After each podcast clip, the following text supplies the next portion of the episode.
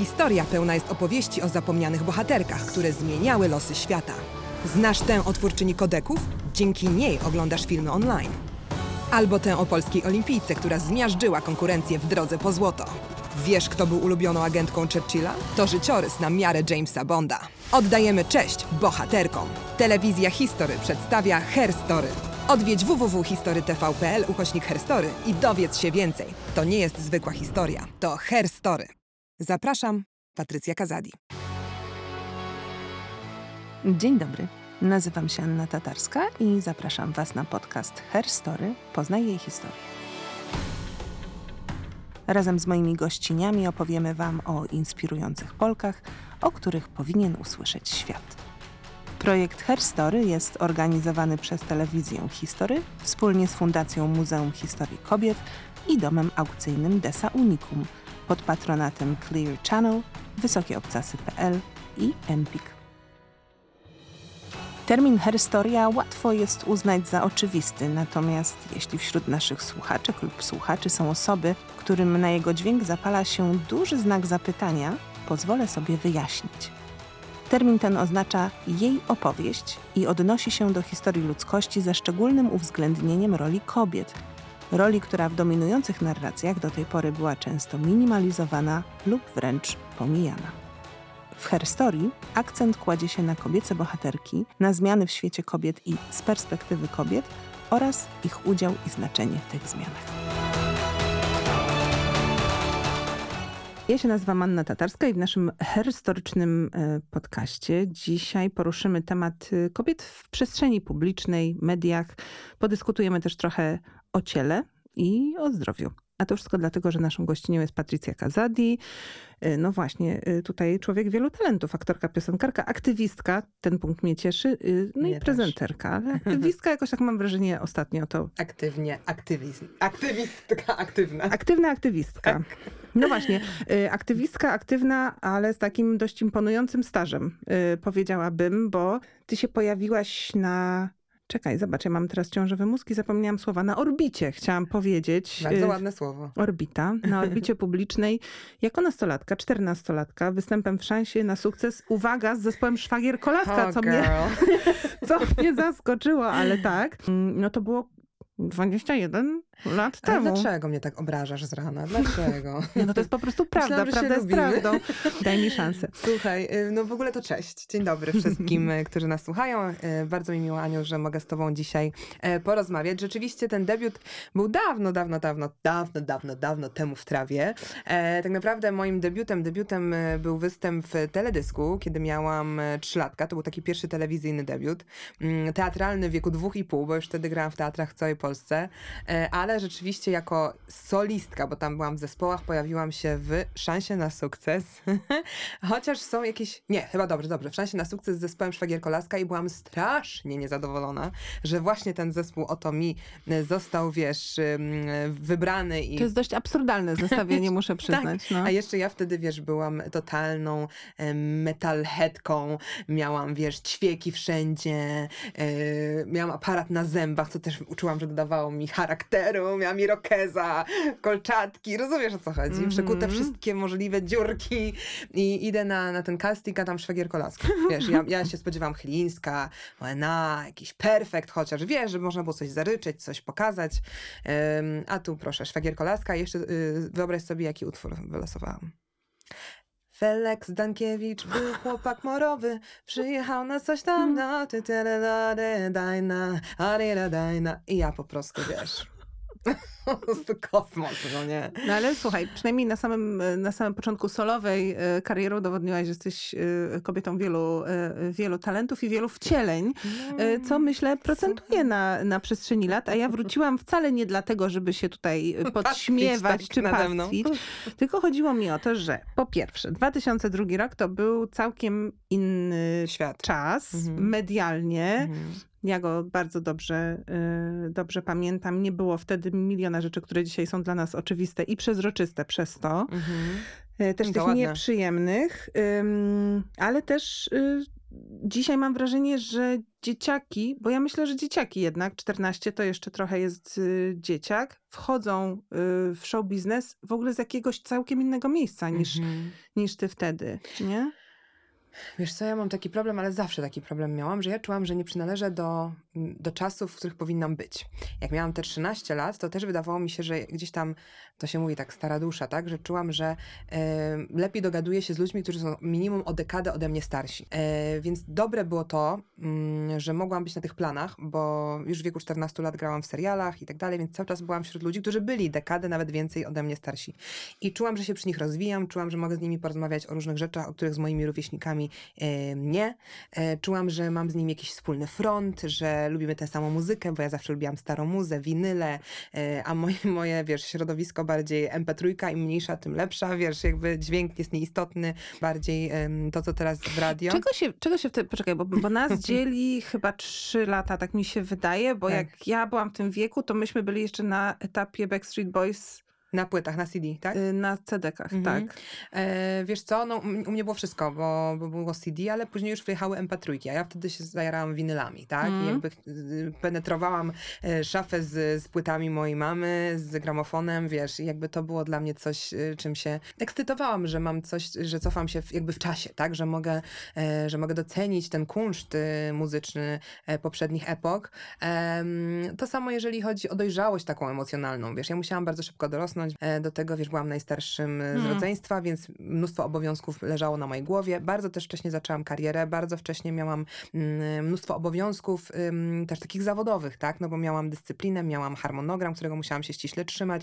Nie było czasu na tak zwane, wiesz, pierdy, po prostu y, siedzenie nad wisełką, picie browarka, tylko po prostu no, codziennie musiałam być w robocie od tam 5 czy 6 rano, odrabiać lekcje, upewnić się, że, wszyscy, że jest zawsze czerwony pasek, bo to był obowiązek u mnie w domu, który był egzekwowany bardzo, wiesz, surowo przez A to mojego tak, ojca. taki warunek, że jak jest czerwony pasek, to, to wtedy możesz mogę spełniać swoje Okej, marzenia, mhm. czyli właśnie chodzić na, na zajęcia taneczne, czy występować w teatrze, czy grać w tych serialach i tak dalej. To był warunek. No więc Mhm. musiałam to jakoś pogodzić. No doba ma tylko 24 godziny i dzisiaj z perspektywy czasu zastanawiam się, jak ja to robiłam, że ja to wszystko umiałam skomasować w ten jeden dzień, bo dzisiaj nie starcza mi czasu na nic. Więc albo ja się jakoś rozmemłałam, albo czas nagle jest krótszy, bo byłam zdecydowanie bardziej e, zdyscyplinowaną i zorganizowaną dziewczynką niż jestem e, kobietą.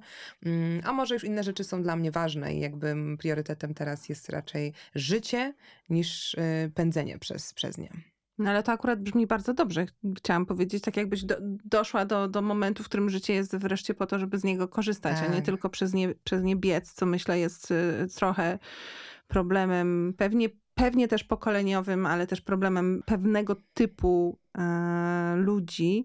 No ale też trochę nie odpowiedziałam na twoje pytanie, bo zapytałaś, e, czym się to różniło. No na pewno e, moim, jakby tym, co mnie motywowało do tego, żeby robić to, co robię, Mm. e, nie były wyniki na social mediach, nie były wyświetlenia na YouTubie, Deale reklamowe. Nie były deale reklamowe, lajki czy zdjęcia na portalach plotkarskich i bywanie na ściankach, Mm. bo wtedy tego po prostu nie było. Moją motywacją było kiedyś może zagrać na jednej scenie z Kają, wiesz, rozwijać się artystycznie, być wśród ludzi takich jak Leszek Możdżer czy Tomek Szymuś i, i, i sztaba, uczyć się od nich kunsztu harmonii, aranżów, produkcji muzycznej, po prostu muzykowania, Mhm. wiesz, to, to było dla mnie, co mnie motywowało, co mnie inspirowało i sprawiało, że każdego dnia wstawałam z uśmiechem na twarzy, bo rozwijam się, bo spełniam kolejne swoje marzenia. Mhm. Miałam taką tablicę korkową u siebie w domu i miałam, wiesz, y, wszystkie marzenia wypisane, te najmniejsze do tych największych i powolutku je odhaczałam i to było niezwykle satysfakcjonujące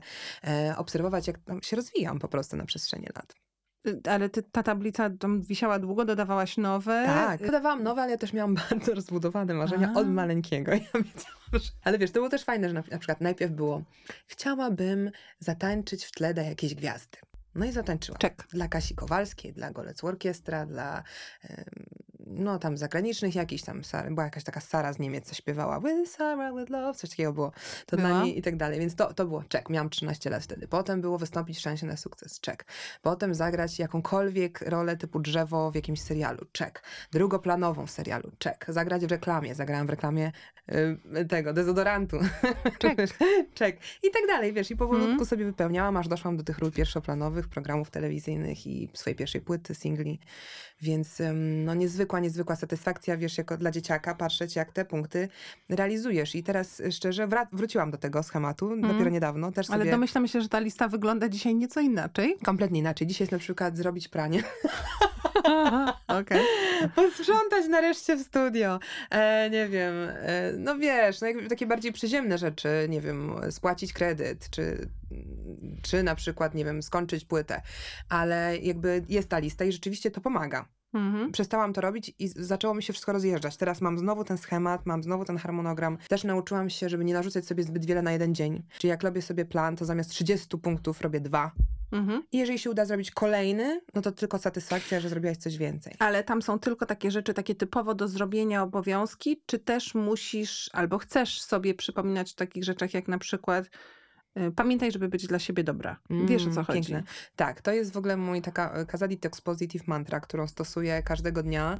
E, I wiesz, ja jak zaczęłam w ogóle Casa Detox Positive, jak zaczęłam się uzewnętrzniać w kwestii zdrowia psychicznego i samoakceptacji, to ja od razu zaznaczyłam, że ja nie jestem ekspertem. Ja nie jestem osobą, która zjadła wszystkie rozumy. Co i, ogromnie doceniam. y, Wiesz, i ja się na tym znam i w ogóle wszystko wiem. Absolutnie nie. Ja się tylko dzielę swoimi doświadczeniami, swoimi obserwacjami. Ja jestem cały czas work in progress. To nie jest tak, że ja mam wszystko ogarnięte. Ja mam dni, że jestem totalnej i czuję się fatalnie ze sobą i no muszę wtedy ze sobą pracować. I, I tę pracę wykonuję każdego dnia. Czyli widzę na przykład, że znowu wraca stary schemat. Spojrzałam w lustro i powiedziałam coś brzydkiego do siebie. Mhm. Nie masz na to mojej zgody, nie mam powodu tak do siebie mówić. Jeżeli ja do swoich przyjaciółek tak nie mówię, czy przecież jak moja Emila czy ktokolwiek przyjdzie i powie, hej, jak wyglądam dzisiaj, to ja nie mówię, jak gówno. Mhm. No mówię, Ale sobie mówiłaś. a sobie tak mówię, prawda? Dlaczego jesteśmy Mhm. sobie tak nieżyczliwi? Nie, nie ma mojej zgody na to wobec mnie, ale też wobec innych. I, i jeżeli wymsknie mi się za przeproszeniem, bo znowu wracam do tego, nie zjadłam wszelkich rozumów, nie zawsze mi wszystko wychodzi, Mhm.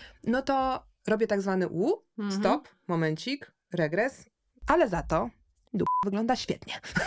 Wiesz, no znajduję coś, coś, co mnie zmotywuje, co sprawi, że okej, powiedziałam coś niemiłego, ale balansuję, to musi być chociaż na zero, jeżeli nie na plus. No dobra, ale to jest takie miejsce, do którego się dochodzi Oj tak. i to trwa długo, to jest zwykle bolesne, okupione milionem porażek. Mam na myśli tych, tych własnych właśnie w procesie starania się o bycie dobrą, łagodną, empatyczną, otwartą, wyrozumiałą dla siebie. Dla siebie, no. I też to nie jest coś, co mam wrażenie spada z nieba, jeśli jesteś dziewczyną wychowaną y, w tym kraju, w tych czasach i jeszcze do tego od pewnego momentu, bo do tego cały czas wracam, wydaje mi się, że to jest absolutnie też unikalny rodzaj doświadczenia, który, który ty masz i inne osoby młode, które też gdzieś tam, szczególnie kobiety, które Mhm. były na tej pozycji, kiedy świat od pewnego momentu, często dużo za wcześnie, nagle zaczyna mieć zespół pewnych wyobrażeń na temat Mhm, ciebie, kim ty mhm. powinnaś być, kim ty nie jesteś, co jest z tobą nie tak. Mm. Ta lista jest o wiele dłuższa niż wszystko, co mogłabyś sobie kiedykolwiek na swój temat yy, Tak.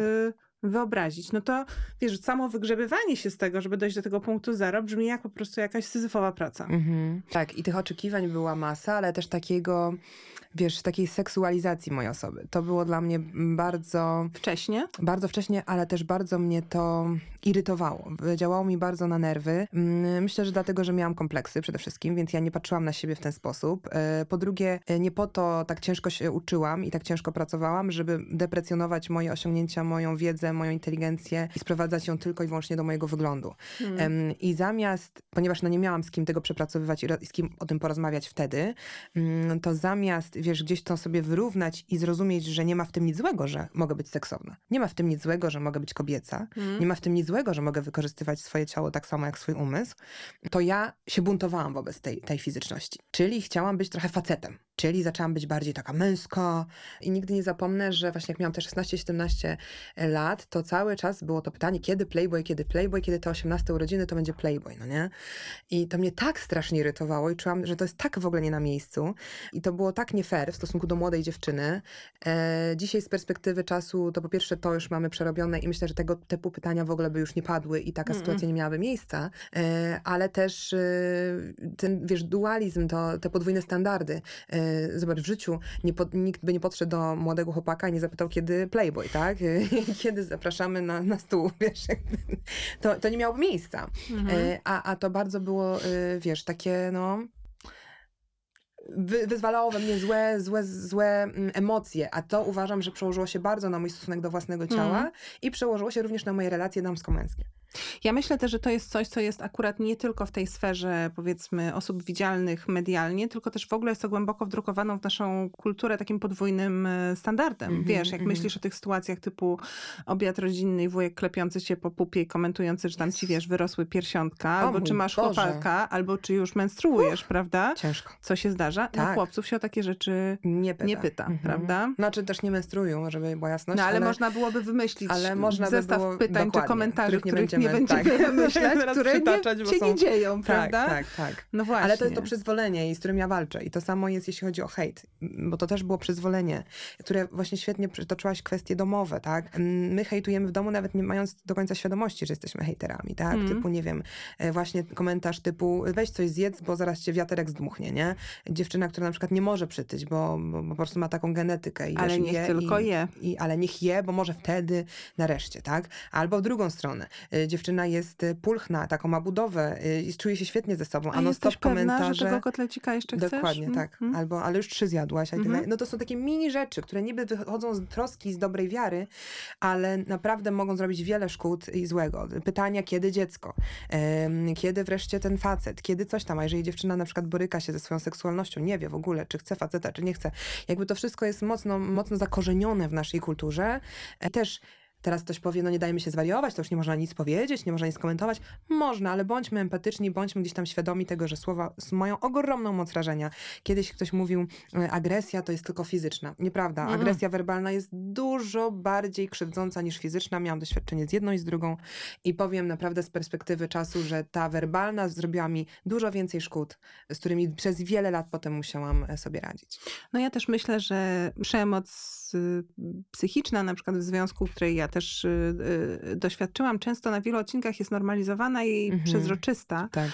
I, I ona też ma płeć jednak w pewnym sensie. To znaczy, wydaje mi się, że przemocowe zachowania, na przykład ze strony partnerów wobec partnerek, mówię tutaj o związkach takich heteronormatywnych, e, często mm, w ogóle nie są, nie są dostrzegane, uważa je się za coś normalnego, bo taka relacja, w której ten mąż czy partner bardziej posiada partnerkę, cały czas jest jakoś, że tak powiem, w miarę uznawana za coś, co jest Posiada, tak. naturalnego, prawda? Jest twoją Tak, własnością, tak. więc Możesz jej w trakcie, nie wiem, sytuacji ze znajomymi rzucić mimochodem, twarz ci się świeci, nie? Mhm. I teraz, czy, czy, to, czy to jest coś strasznego? No, no niby nie, ale jak mówisz 10 razy dziennie coś takiego, a te włosy to ci się źle ułożyły, albo no nie, no bo znowu nie pozmywałaś, nie? Niby nic. Tylko to już jest takie bardziej znęcanko nawet, wiesz, to już, to już, em, bo to jest takie podprogowy... Podkopujesz czyjąś tak, pewność tak, siebie Tak, tak, stale. tak, no.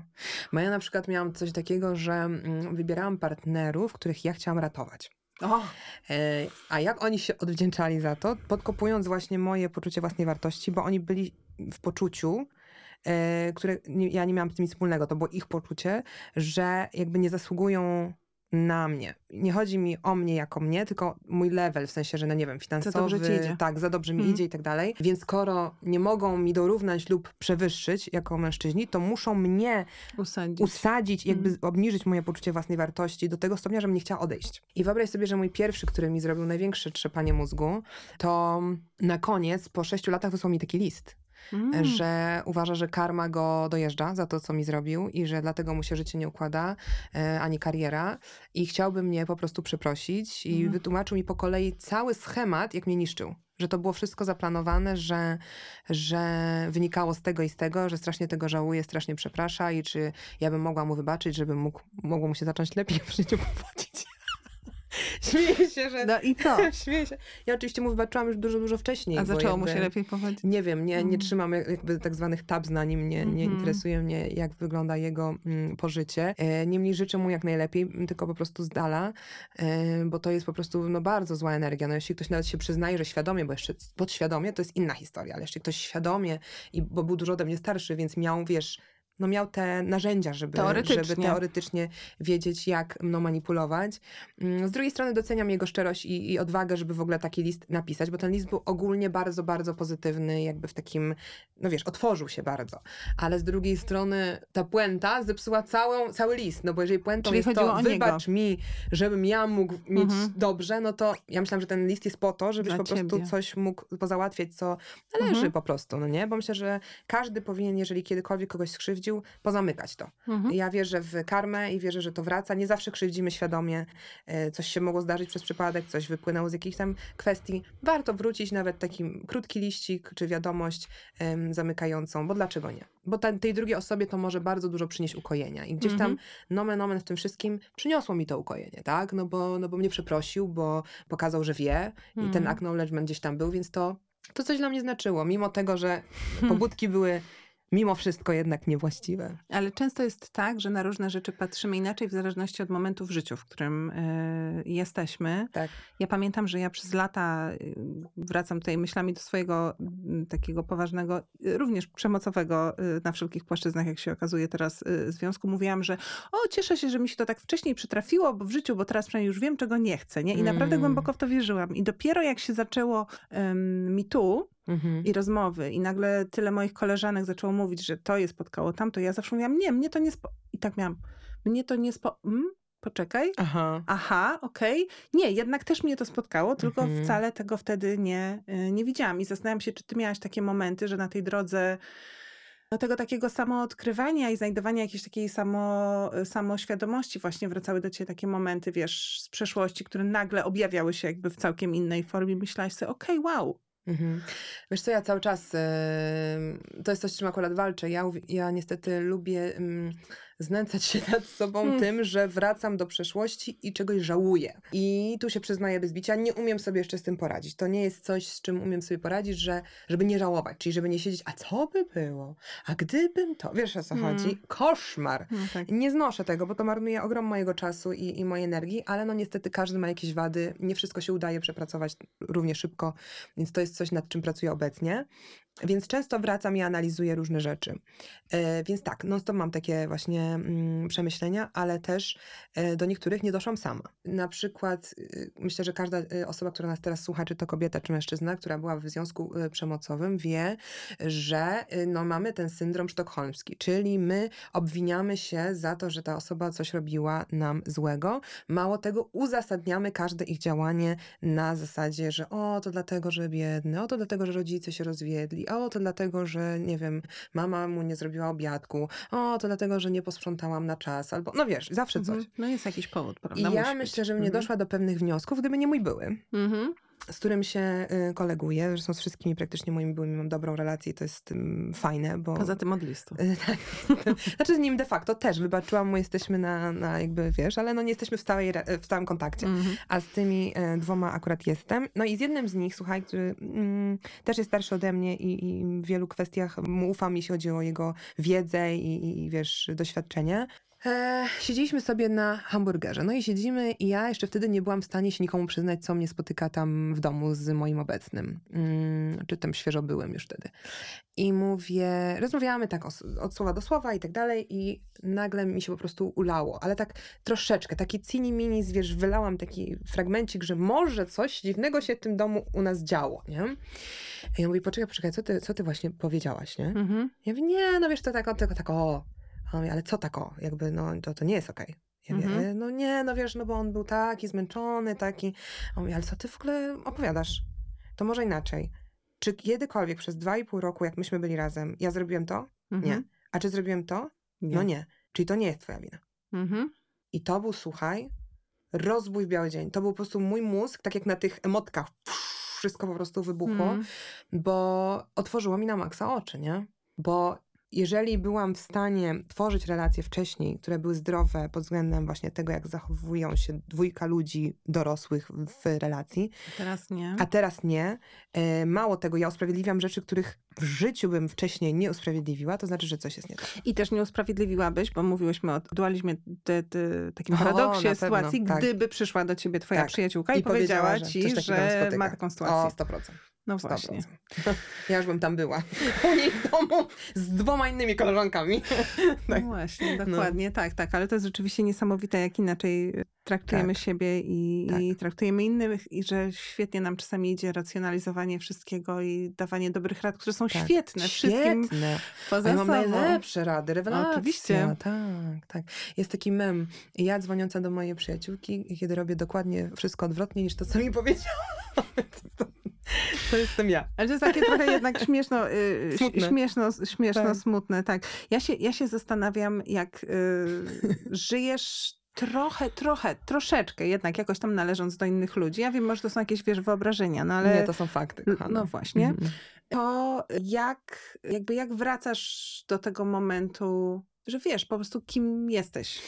E, No to mi zajęło dużo czasu w ogóle wrócić do siebie, bo mi się wydaje, że ja byłam wchodząc w ten show biznes. Ja byłam Mm. sobą, tak? Czyli byłam e, osobą otwartą, radosną, pełną pasji do muzyki, do tworzenia, kreatywną, bum, bum, podekscytowaną, wiesz, skromną na pewno, bo miałam, Mm. wiesz, dużo takich niepewności i tak dalej, i, i chłonną wiedzy. Potem zaczęły się te mechanizmy obronne, które tutaj już zaczęłyśmy. Najpierw się zaczęły te fizyczne, potem Mm. psychiczne, bo ludzie zaczęli wchodzić na głowę, wykorzystywać i tak dalej, więc człowiek się zaczyna bronić, więc robi się jakąś taką, wiesz, namiastką siebie w takiej wielkiej skorupie. I ja byłam taka o malutka w wielkiej skorupie. Jak tą skorupę powolutku skruszyłam przez ostatnie lata, to dogrzebałam się do siebie. I Mhm. okazało się, że większość rzeczy, które ja robię, ja ich nie chcę robić. Większość. Że ja nie mam ochoty robić takich y, projektów, że mam ochotę właśnie zająć się aktywizmem, Mhm. że mam ochotę więcej czasu spędzać z przyjaciółkami, z rodziną, że mam ochotę więcej jeść na przykład, że mam ochotę więcej podróżować. I kiedy mam na to znaleźć czas, jeżeli ja ciągle żyję dla innych? I zaczęłam stawiać siebie na pierwszym miejscu. Są plusy i minusy tej sytuacji, bo nie wszystkie relacje to przetrwały. Y, Niektóre zakończyłam ja, niektóre zakończyły się samoistnie, niektóre ktoś i to było bolesne, bo było takie, ale dlaczego? Ale z drugiej strony nie można na siłę kogoś trzymać w swoim życiu. Mówię to o relacjach takich, nie wiem, koleżanki, koledzy, tak? Mm, Kiedy wasze drogi się rozchodzą. Musisz dojść do tego, y, że nie każda osoba jest w twoim życiu na zawsze. Mhm. Nawet partner nie musi być na zawsze. Je- I ma czasami jakieś- to jest też okej i to jest super, Mhm. bo ta osoba pojawiła się w twoim życiu z jakiegoś powodu w danym momencie i bądź wdzięczny za to, co ci dała. Nawet jeżeli to były doświadczenia semi-negatywne, tak? Mówię semi, bo podkreślamy, że rzeczy patosiarskie, czyli y, patologiczne, nie mają miejsca i racji Mhm. bytu. Ale mówię o takich semi, czyli że na przykład ktoś cię troszeczkę zranił, zostawił, nie, nie poczuł tego samego, no to tak się życie wygląda. Mm. Ale to są doświadczenia, które nas kształtują i jakby ja teraz podchodzę z taką wdzięcznością do każdej relacji, którą miałam, ale do każdej też, której się muszę wykaraskać czy wyjść, bo mi po prostu już nie służy. I dlatego mówię, że to jest trudne, bo masz czasami takie momenty, kurde, było tych osób 60, a, jest, pięć załóżmy, Mhm. tak? Z czego pięć, trzy cię wkurzają. Na przykład, no już inaczej priorytety. A ile z tych osób, 55 powiedzmy, czy tam No. 50, 50 Mm. tak jak wiesz, na, na filmach, które upraszczają rzeczywistość, było z tobą za to, co robiłaś i co miałaś, Mm. a nie dla ciebie.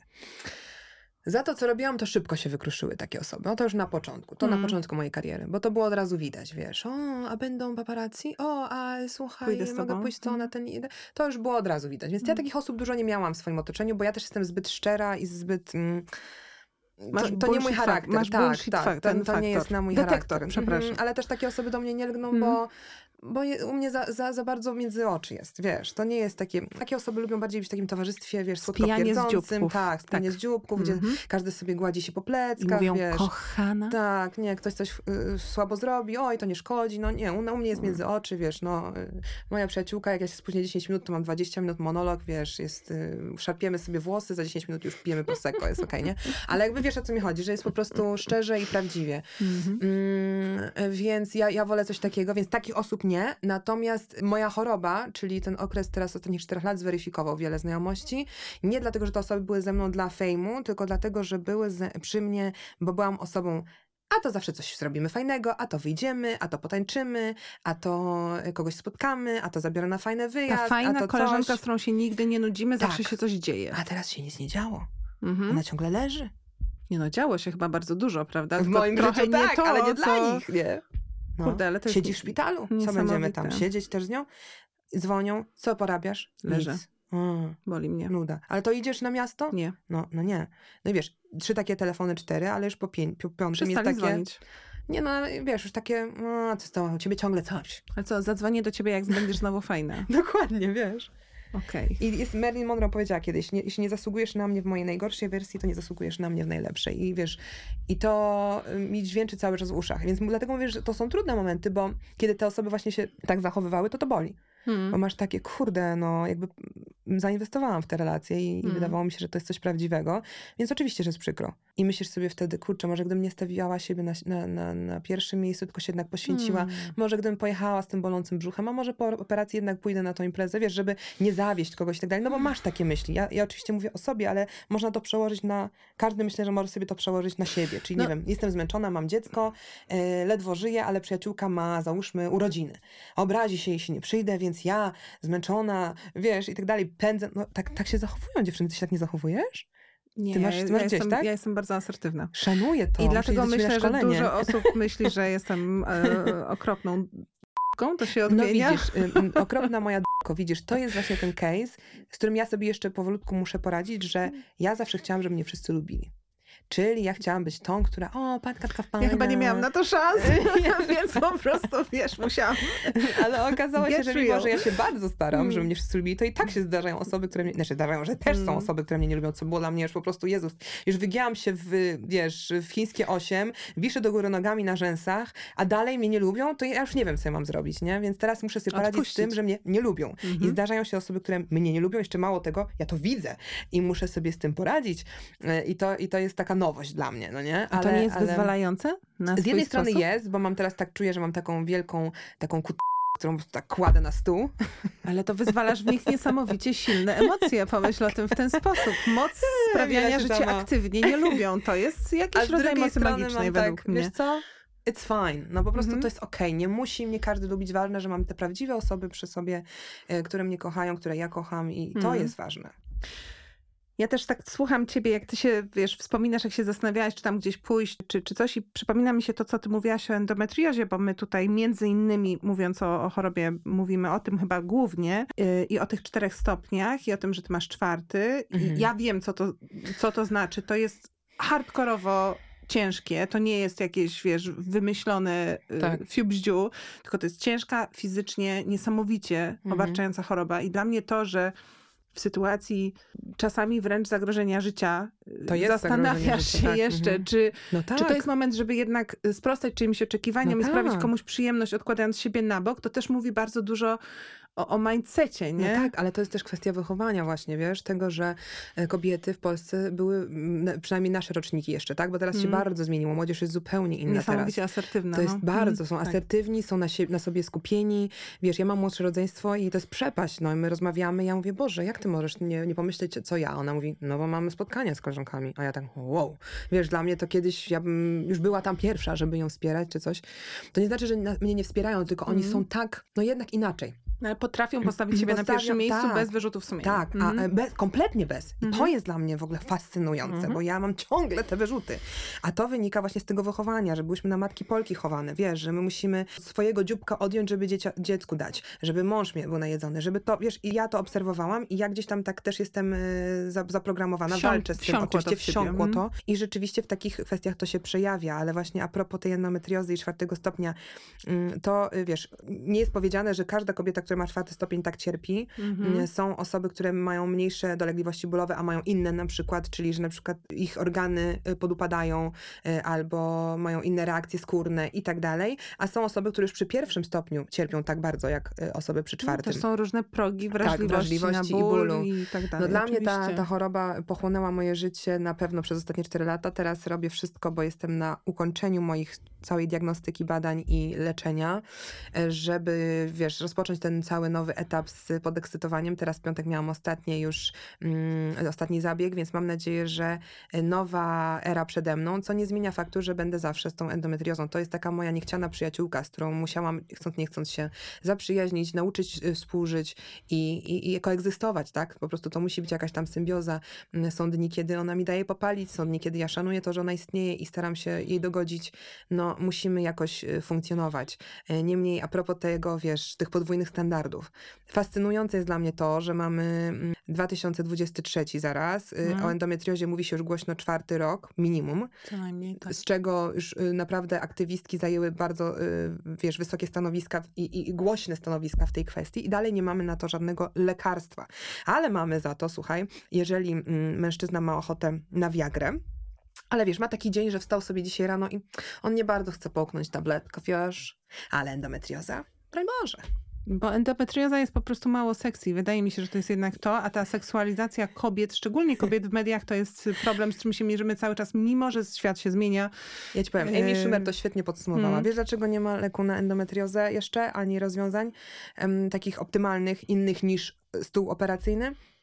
Dlatego, że to dotyczy, wiesz co, bardzo małego odsetka grupy do- docelowej, czyli kobiet. Kobiet, które stanowią ponad Dziękuję. y, 50 Dziękuję. Procent. Ponad 50%. populacji na świecie, ale skoro Amy Schumer, to tak całkiem y, na spontanie przypomniał mi się mój ukochany sketch y, z Amy Schumer i paroma innymi wspaniałymi aktorkami, w tym Patricią Arquette i Mm. Julią Louis-Dreyfus, które świętują Last F***able Day. Nie wiem, czy, Nie znam, czy znasz. Świetne, brzmi dobrze. To jest doskonały, doskonały sketch. Ona je spotyka w parku i one piją wino i ona tak, a, a co wy tutaj świętujecie? Okazuje się, że to jest ten ostatni dzień, kiedy one są jeszcze w kiedy A, ktoś się chce z nimi okej. przespać, no bo wiesz, skończyły tam, nie wiem, ile No, najmłodsza niestety. w momencie tego sketchu ma tam powiedzmy 40. Tak, to już jest to już tacyt. No wiesz, y, masz jeszcze... Ja mam jeszcze 5 lat na f- No z tego właśnie. wynika. Ale ponieważ masz taki dłu- długi staż y, w mediach i w show biznesie, to też się trochę chciałam właśnie o to podpytać. Czy zauważyłaś, że te sposoby patrzenia na ciebie się jakoś drastycznie zmieniły? Koszmar. Między innymi po tym, jak właśnie zaczęłaś mówić o chorobie, która jest bardzo nieseksy. Wiesz? Oczywiście, że jest niesexy. E, Ja widzę bardzo wyraźnie e, ogromną, ogromny shift i, i, i zwrot i, i jakby wiesz, bo z jednej strony mam ogromne pokłady empatii od różnych ludzi. Na Mhm. 100%. Od kobiet mam dużo wsparcia, e, od ludzi, z którymi pracowałam teraz na planie programu też miałam dużo wsparcia. Ale no, widzę, że propozycje, które teraz dostaję są, z, Playboya już nie ma, więc jakby nie są w wiemy. zupełnie innym kontekście, Mhm. wiesz, że jakby...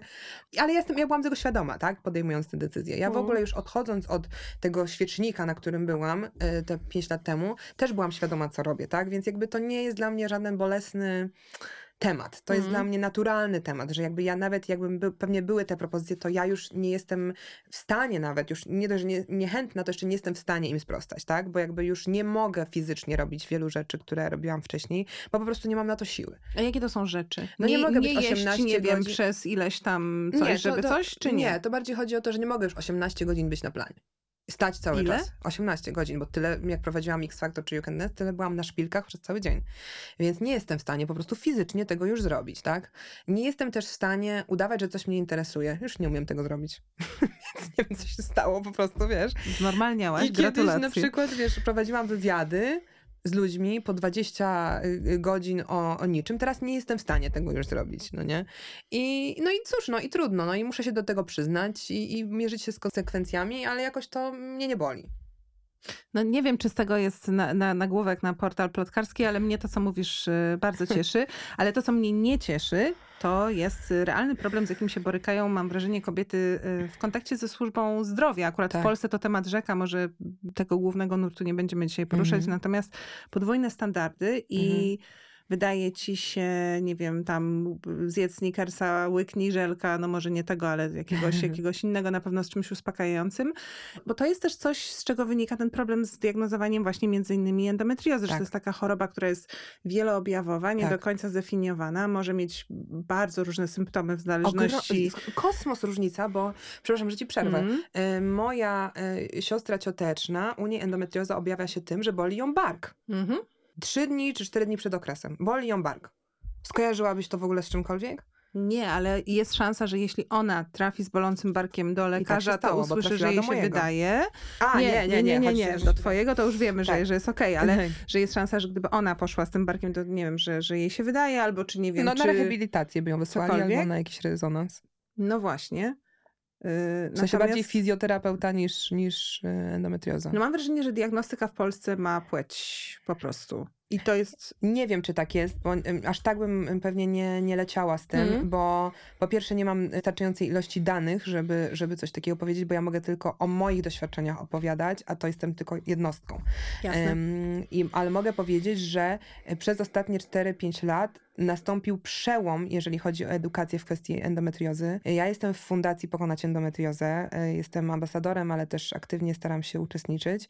I powstał, e, jak pewnie wiesz, zespół do spraw endometriozy przy ministrze Mhm. zdrowia, więc będą mm, teraz szły kolejne akcje, które mam nadzieję przyczynią się do tego, że ta diagnostyka będzie na dużo sprawniejszym i lepszym poziomie, e, że to leczenie będzie prowadzone przez właściwych, wykształconych w kontekście endometriozy lekarzy, a Mhm. nie przypadkowe osoby, które o, torbiel, wycinamy, nie licząc się z tym, że ta torbiel mogła być endometrialna, co z tym idzie, mogły iść wzrosty nacieki, które potem, jak zostaną poruszone, to rozrastają się ze zdwojoną siłą i mogą zaatakować po prostu pacjentkę, nawet y, doprowadzając ją do y, skutków tragicznych.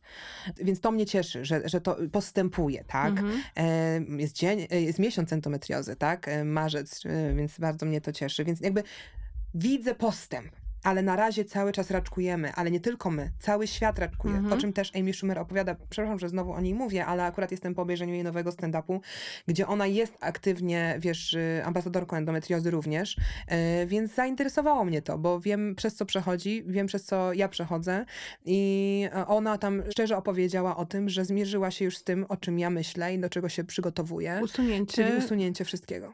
Ona, ale też Lina Dunham Tak. zrobiła to samo Tak. i dla wielu osób jest to jakiś rodzaj fanaberii. No nie, nie ma wyjścia. Wiele osób uważa, że to jest przesada, że to jest okaleczenie, że to, że to nie może w ogóle iść, wiesz, w tę stronę. Wiesz co, to nie powinno iść w tę stronę i tutaj jest mój apel i e, jakby złość o to, że właśnie nie ma e, prowadzonych właściwych, wiesz, badań w kontekście tego, żeby znaleźć to rozwiązanie inne niż operacyjne, które też nie jest rozwiązaniem jakby w 100% skutecznym. Dlaczego? Dlatego, że endometrioza znowu wraca. Nie u wszystkich, teraz nie chcę przestraszyć, że jak ktoś zrobi operację, to ona mu wróci. To nie jest stwierdzone na 100%, że u każdej może. osoby, ale może i każdy y, kompetentny lekarz uprzedzi pacjentkę przed Mhm. operacją, że to nie jest ostateczne jakby rozwiązanie, które jest na pewno w 100% skuteczne. Nawet nie jest powiedziane, że ta operacja sprawi, że będziesz czuła się lepiej. To jest po prostu loteria. Zobaczymy, tak? Że może się okazać, że ta operacja bardzo pomoże, bo te wzrosty powycinają, więc nie będzie tego bólu, tych dolegliwości bólowych, Mhm. ale to wcale nie znaczy, że ta endometrioza teraz nie pojawi się gdzieś indziej i tak dalej. Yy, więc y, jakie my mamy wyjście? Ja mam rozlaną tę endometriozę wszędzie. Więc ja musiałabym po prostu spędzić paręnaście godzin na stole, żeby to wszystko poczyścić. Wcale nie jest powiedziane, że będę się potem czuła lepiej. Nie wiadomo, jak szybko ona odrośnie. Hmm. Więc no szczerze, gdybym ja miała dzisiaj już dzieci, to ja bym się nie zastanawiała i tak jak właśnie Amy Schumer poszłabym, usunęła wszystko. Z drugiej strony kończy się to tym, że w wieku 35, w jej przypadku 40 jesteś w menopauzie i już do końca życia musisz być na hormonach. Mhm. To też nie jest optymalne rozwiązanie, więc ja się modlę, że do czasu, kiedy ja już będę musiała podjąć tę decyzję, nastąpią zmiany, przyjdzie lek. Mam jakieś przecieki, że się coś szykuje, że za 4 lata mniej więcej pojawi się lek, ale wiesz, że to jest 4 lata? 4 lata Cztery cierpienia. lata to jest też y, bardzo dużo w życiu kobiety w wieku reprodukcyjnym. To prawda. Więc tutaj jest bardzo wiele trudnych y, okoliczności. No wiesz, ale reprodukcja, okej, no to wiesz, tekst i dwa ulubione moje teksty, Mm. jakie słyszałam od ginekologów. Taka pani uroda, to jest pierwszy mój ulubiony, a drugi, Urodzi pani dziecko Tak, i będzie... to wszystko będzie super. Tak. Mhm.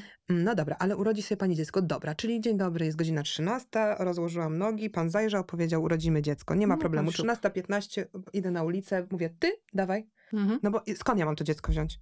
No muszę, musi mnie ktoś jeszcze za przeproszeniem, wiesz, Mhm. kwiatuszek, Z kapusty. tak.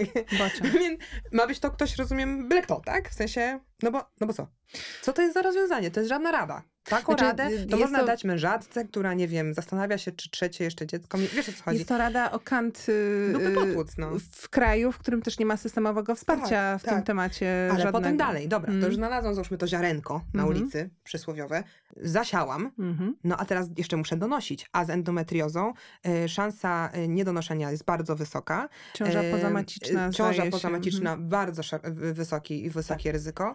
Więc o czym my w ogóle mówimy? To jest, to jest tragiczna rada. To jest wręcz tragiczna rada. Ale Ona zobacz, może być ona jest sformułowana. Tak. Pani sobie urodzi. Tak. To też o to chodzi. Ja Tak. myślę, że to jest też, że to jest też istotne. Więc to jest po prostu temat rzeka, no ale tak jak mówię, wierzę bardzo w nasz zespół do spraw endometriozy, wierzę w, e, w moje kochane, wspaniałe kobiety w fundacji, wierzę w naszych specjalistów, jest e, trzech wybitnych lekarzy. Jeżeli macie jakiekolwiek pytania, wpadajcie śmiało na mój Instagram, tam też jest zakładka od razu, jak wejdziecie na mój profil, na samej górze jest zakładka endometrioza, są Mhm. wypisani lekarze, e, jest wypisany kontakt do fundacji, bo ja też znowu podkreślam, nie jestem specjalistą, nie jestem lekarzem, więc wszelkie pytania takie już medyczne do nich, natomiast do mnie, jeżeli chcecie polecić się, gdzie e, pójść na fizjoterapię uroginekologiczną, do jakiego lekarza pójść na rezonans, e, bo to też jest bardzo ważne, żeby mieć właściwie zrobiony rezonans, Mhm. bo od tego zależy, żeby, wiesz, sprecyzować, gdzie ta endometrioza jest rozsiana i jaki jest to stopień. Rozmowa o endometriozie kojarzy mi się z, mam wrażenie, wieloma takimi wątkami, które się trochę przewijają w tych twoich ostatnich latach z właśnie większym naciskiem na aktywizm. Ty też się angażujesz w różne inicjatywy, które trochę mają, mam wrażenie, ten wspólny wątek, że one jakby odkłamują rzeczywistość. Pracują Mhm. na to, żeby odsłonić to, jak jest naprawdę Mhm. i odsunąć jakieś takie filtry, które mamy zapisane w głowie jako te, które upiększają, a z czasem stają się dla nas y, przezroczyste. Ja pamiętam, jak w rozmowie z Magdą Mołek mówiłaś, jak się wyłączył filtr na, Mhm. na live i się sobie nie spodobałaś. Ja, wiesz co, myślałam o tym dużo i, i też wydało mi się to szokujące. I nie chodzi o to, że chcecie oceniać, w ogóle nie, tylko że jakby, że to się staje tak przezroczyste w pewnym Tak. momencie, tak normalne, szczególnie w tym świecie jakby medialnym, z którym ja mam naprawdę minimalną styczność, a już w porównaniu z tobą na, na, na pewno, ale też to widzę i też, i też to odczuwam, że jakby ten zespół, ta skala pewnych oczekiwań, pewnych rzeczy, które są absolutnie znormalizowane, a nie powinny być, jest naprawdę przerażająca, jeśli się złapie do tego dystans i się na to spojrzy. I ja się zastanawiam, czy twoja praca z tymi tematami myślisz, że ma w pewnym sensie, i nie chcę tego terminu używać jakby profesjonalnie, ale jakiś taki wymiar też terapeutyczny, że jakby... Dla mnie? Mhm. 100%. E, Ja swój bunt ten y, o Glorii, to, jest długa historia, więc nie mamy aż tyle czasu, ale ogólnie chodziło o to, że tam dostałam straszny lincz, jak zaczęłam chorować, bo przytyłam i, i, i było tego hejtu strasznie dużo, body shamingu wobec mojej osoby, e, a ponieważ mierzyłam się z tymi trudnościami, bo jeszcze wtedy nikt nie wiedział, że choruję, to po prostu nagle się zrodził we mnie taki bunt i niezgoda na to, żeby mnie oceniać znowu dalej tak właśnie przez pryzmat mojego wyglądu, seksualizować i tak dalej, kiedy ja tu mam naprawdę Poważne poważne. Mhm. problemy, a nie czy się mieszczę w te spodnie, czy wylewa mi się boczek, czy mam, cel- mam to w dup. Mhm. E, I ta złość, jak widzisz, dalej we mnie jest, ale to nawet nie jest złość we mnie teraz, tylko taki bardziej już taki bunt, mnie to brzydzi wręcz. Te Mhm. rozmowy są dla mnie passe, są niemodne, to jest w ogóle nie cool w ogóle rozmawiać o czymś wadze i wyglądzie, to jest żenujące dla mnie. Naprawdę jest tyle ważniejszych tematów. I, i to, że właśnie cały czas to spłycanie, to wiesz, jest artystka, dla mnie wiesz, na przykład Kaja, Ania Maria Jopek i tak dalej, to są artystki. A ktoś pisze, celebrytka poszła, ma dwie brody. W ogóle o czym my rozmawiamy? Co się z nami stało? Wiesz, Mhm. jako z ludźmi. Czy naprawdę nie mamy nic innego do powiedzenia? Ale sobie pal licho dwie brody, przecież ludzie analizują, nie wiem, palce u stóp, Żenada. skórę To pod jest wszystko pachami, żenujące. wiesz. I mam nadzieję, że ludzie poczują wreszcie ten obciach i te ciary żenady, które ja czuję, kiedy właśnie y, y, widzę tego typu rozmowy, nagłówki i tak dalej. To się oczywiście zmienia, nie krytykuję wszystkich, żeby była jasność, tylko tę narrację. I ten bunt się we mnie zrodził. I on się zrodził najpierw, nawet nie z myślą, że ja komuś pomogę. Ja o tym nawet nie myślałam. Ja bardziej to robiłam dla siebie, że ja się już nie zgadzam i to głośno teraz powiem. I jakby każdy rodzaj hejtu, body shamingu i tak dalej na moim profilu nie ma racji bytu. Mhm. Followowanie mojego konta to jest przywilej i tylko osoby, które followują, mogą komentować. Jeśli ci się coś nie podoba, zapraszam na inny content. Też jest coś takiego, że y, z kim przystajesz, tym się stajesz. Mhm. I ja przez to, że cały czas tylko widziałam twarze z filtrami, to mnie się też podobała tylko moja twarz z filtrem. I więc jak ten filtr właśnie zniknął i ja taka, o Boże, jak ja wyglądam bez tego, koszmar, nie? To teraz mam odwrotnie. Teraz jak mi się oglądam stare jakieś filmiki, bo czyściłam ostatnio telefon i widzę siebie z tym filtrem, ja mówię, Boże święty, ja wyglądam To tragicznie, Jezus, to no. wygląda po prostu żenująco, wiesz? Mhm. Ale mi się to wtedy podobało. Ale teraz po prostu otaczam się czymś innym, sama reprezentuję coś innego, Mhm. więc inne rzeczy mi się podobają i zachęcam do tego, żebyście, nie inaczej, nie zachęcam, życzę każdemu, żeby we własnym czasie doszedł do tego, że wersja ciebie taka, jaka jesteś, jest tą najlepszą wersją. Ja też zawsze myślę, wiesz, o tym, że w tych prawdziwych, codziennych relacjach, na przykład z osobą, z którą dzielisz życie też w intymny sposób, nikt ciebie nie ogląda tak jak fotografowie na, na mhm, ściance. Mm. On wie, jak ty pachniesz, jaka mm -hmm. jest w dotyku twoja skóra, a jeśli masz celulit, to często się orientuje po roku i co więcej, pewnie mu lub jej to wcale nie przeszkadza. Nikt tak. ci nie ogląda z teleobiektywem, wyszukując włos na brodzie, który ci wyrósł i go nie zauważyłaś i jest to największy dramat tego dnia. Powiem ci, że są mężczyźni, którzy tak, tak? robią. E, I myślę, że też są kobiety, które tak robią. E, ale to moim zdaniem wynika w ogóle z czegoś jeszcze innego. Mm. Że mhm. to nie wynika z tego, że szukają wady w kimś, bo ten ktoś im się nie podoba, tylko szukają wady w kimś, żeby poczuć się lepiej ze sobą. I, e, i to jest coś do przepracowania niezależnie od ciebie. Więc jeśli jesteś taką osobą, to też polecam przeanalizowanie tego wyboru.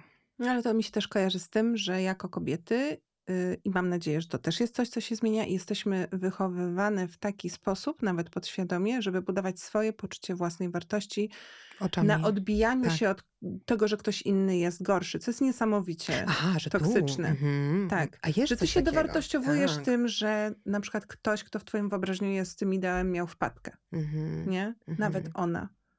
O. Wiesz co, ma, mm, robiłam taki odcinek Kazali Tox Positive Mam Shaming tam właśnie ta psycholog mi wytłumaczyła, na czym polega ten mam shaming, mm. bo ja nie mogłam tego zrozumieć. Mnie to tak strasznie bulwersowało, że mam jest tak ciężko mamą. To jest naprawdę, ja podziwiam mamy. Dla mnie to jest po prostu niebiański jakiś dar, to jest mama. Bo ogarniacie to wszystko, do tego trzeba się tym dzieckiem zająć, wychować. To dziecko jest niewdzięczne przez większość twojego życia, wiesz.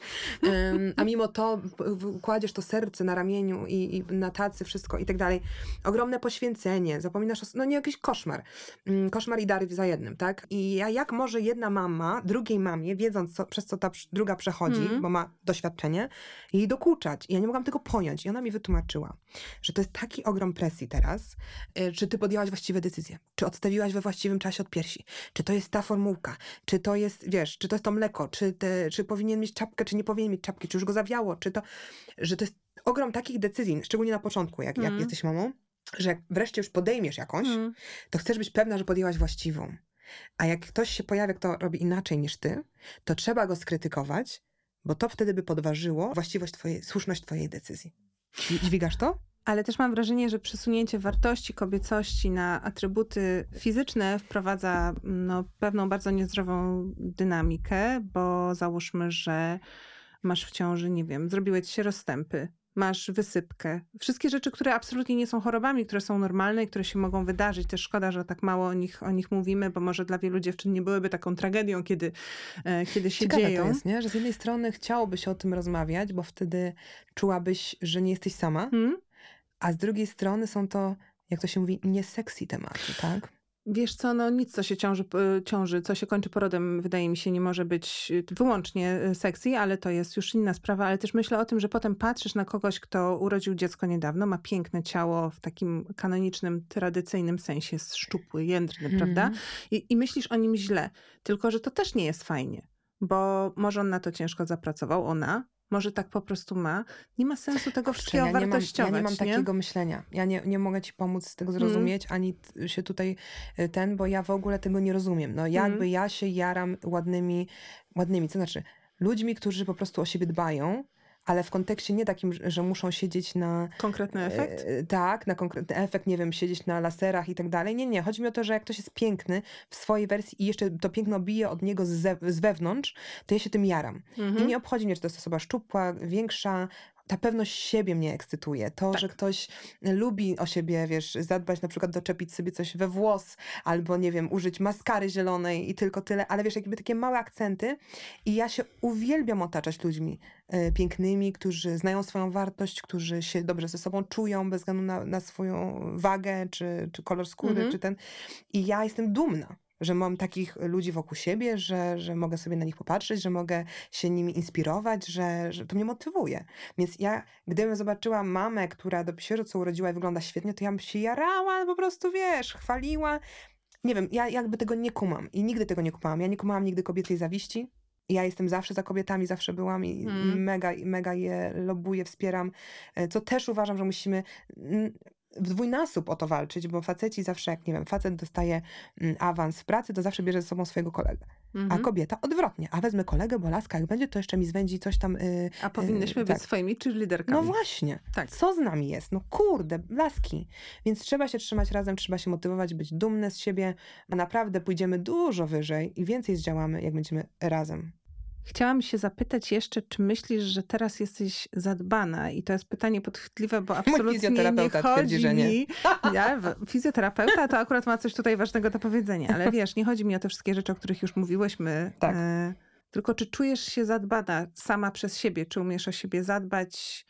Czy czujesz, że potrafisz dać sobie uwagę, na którą zasługujesz i Mhm. której potrzebujesz? W dużym skrócie, czy jesteś teraz w tym dobrym miejscu?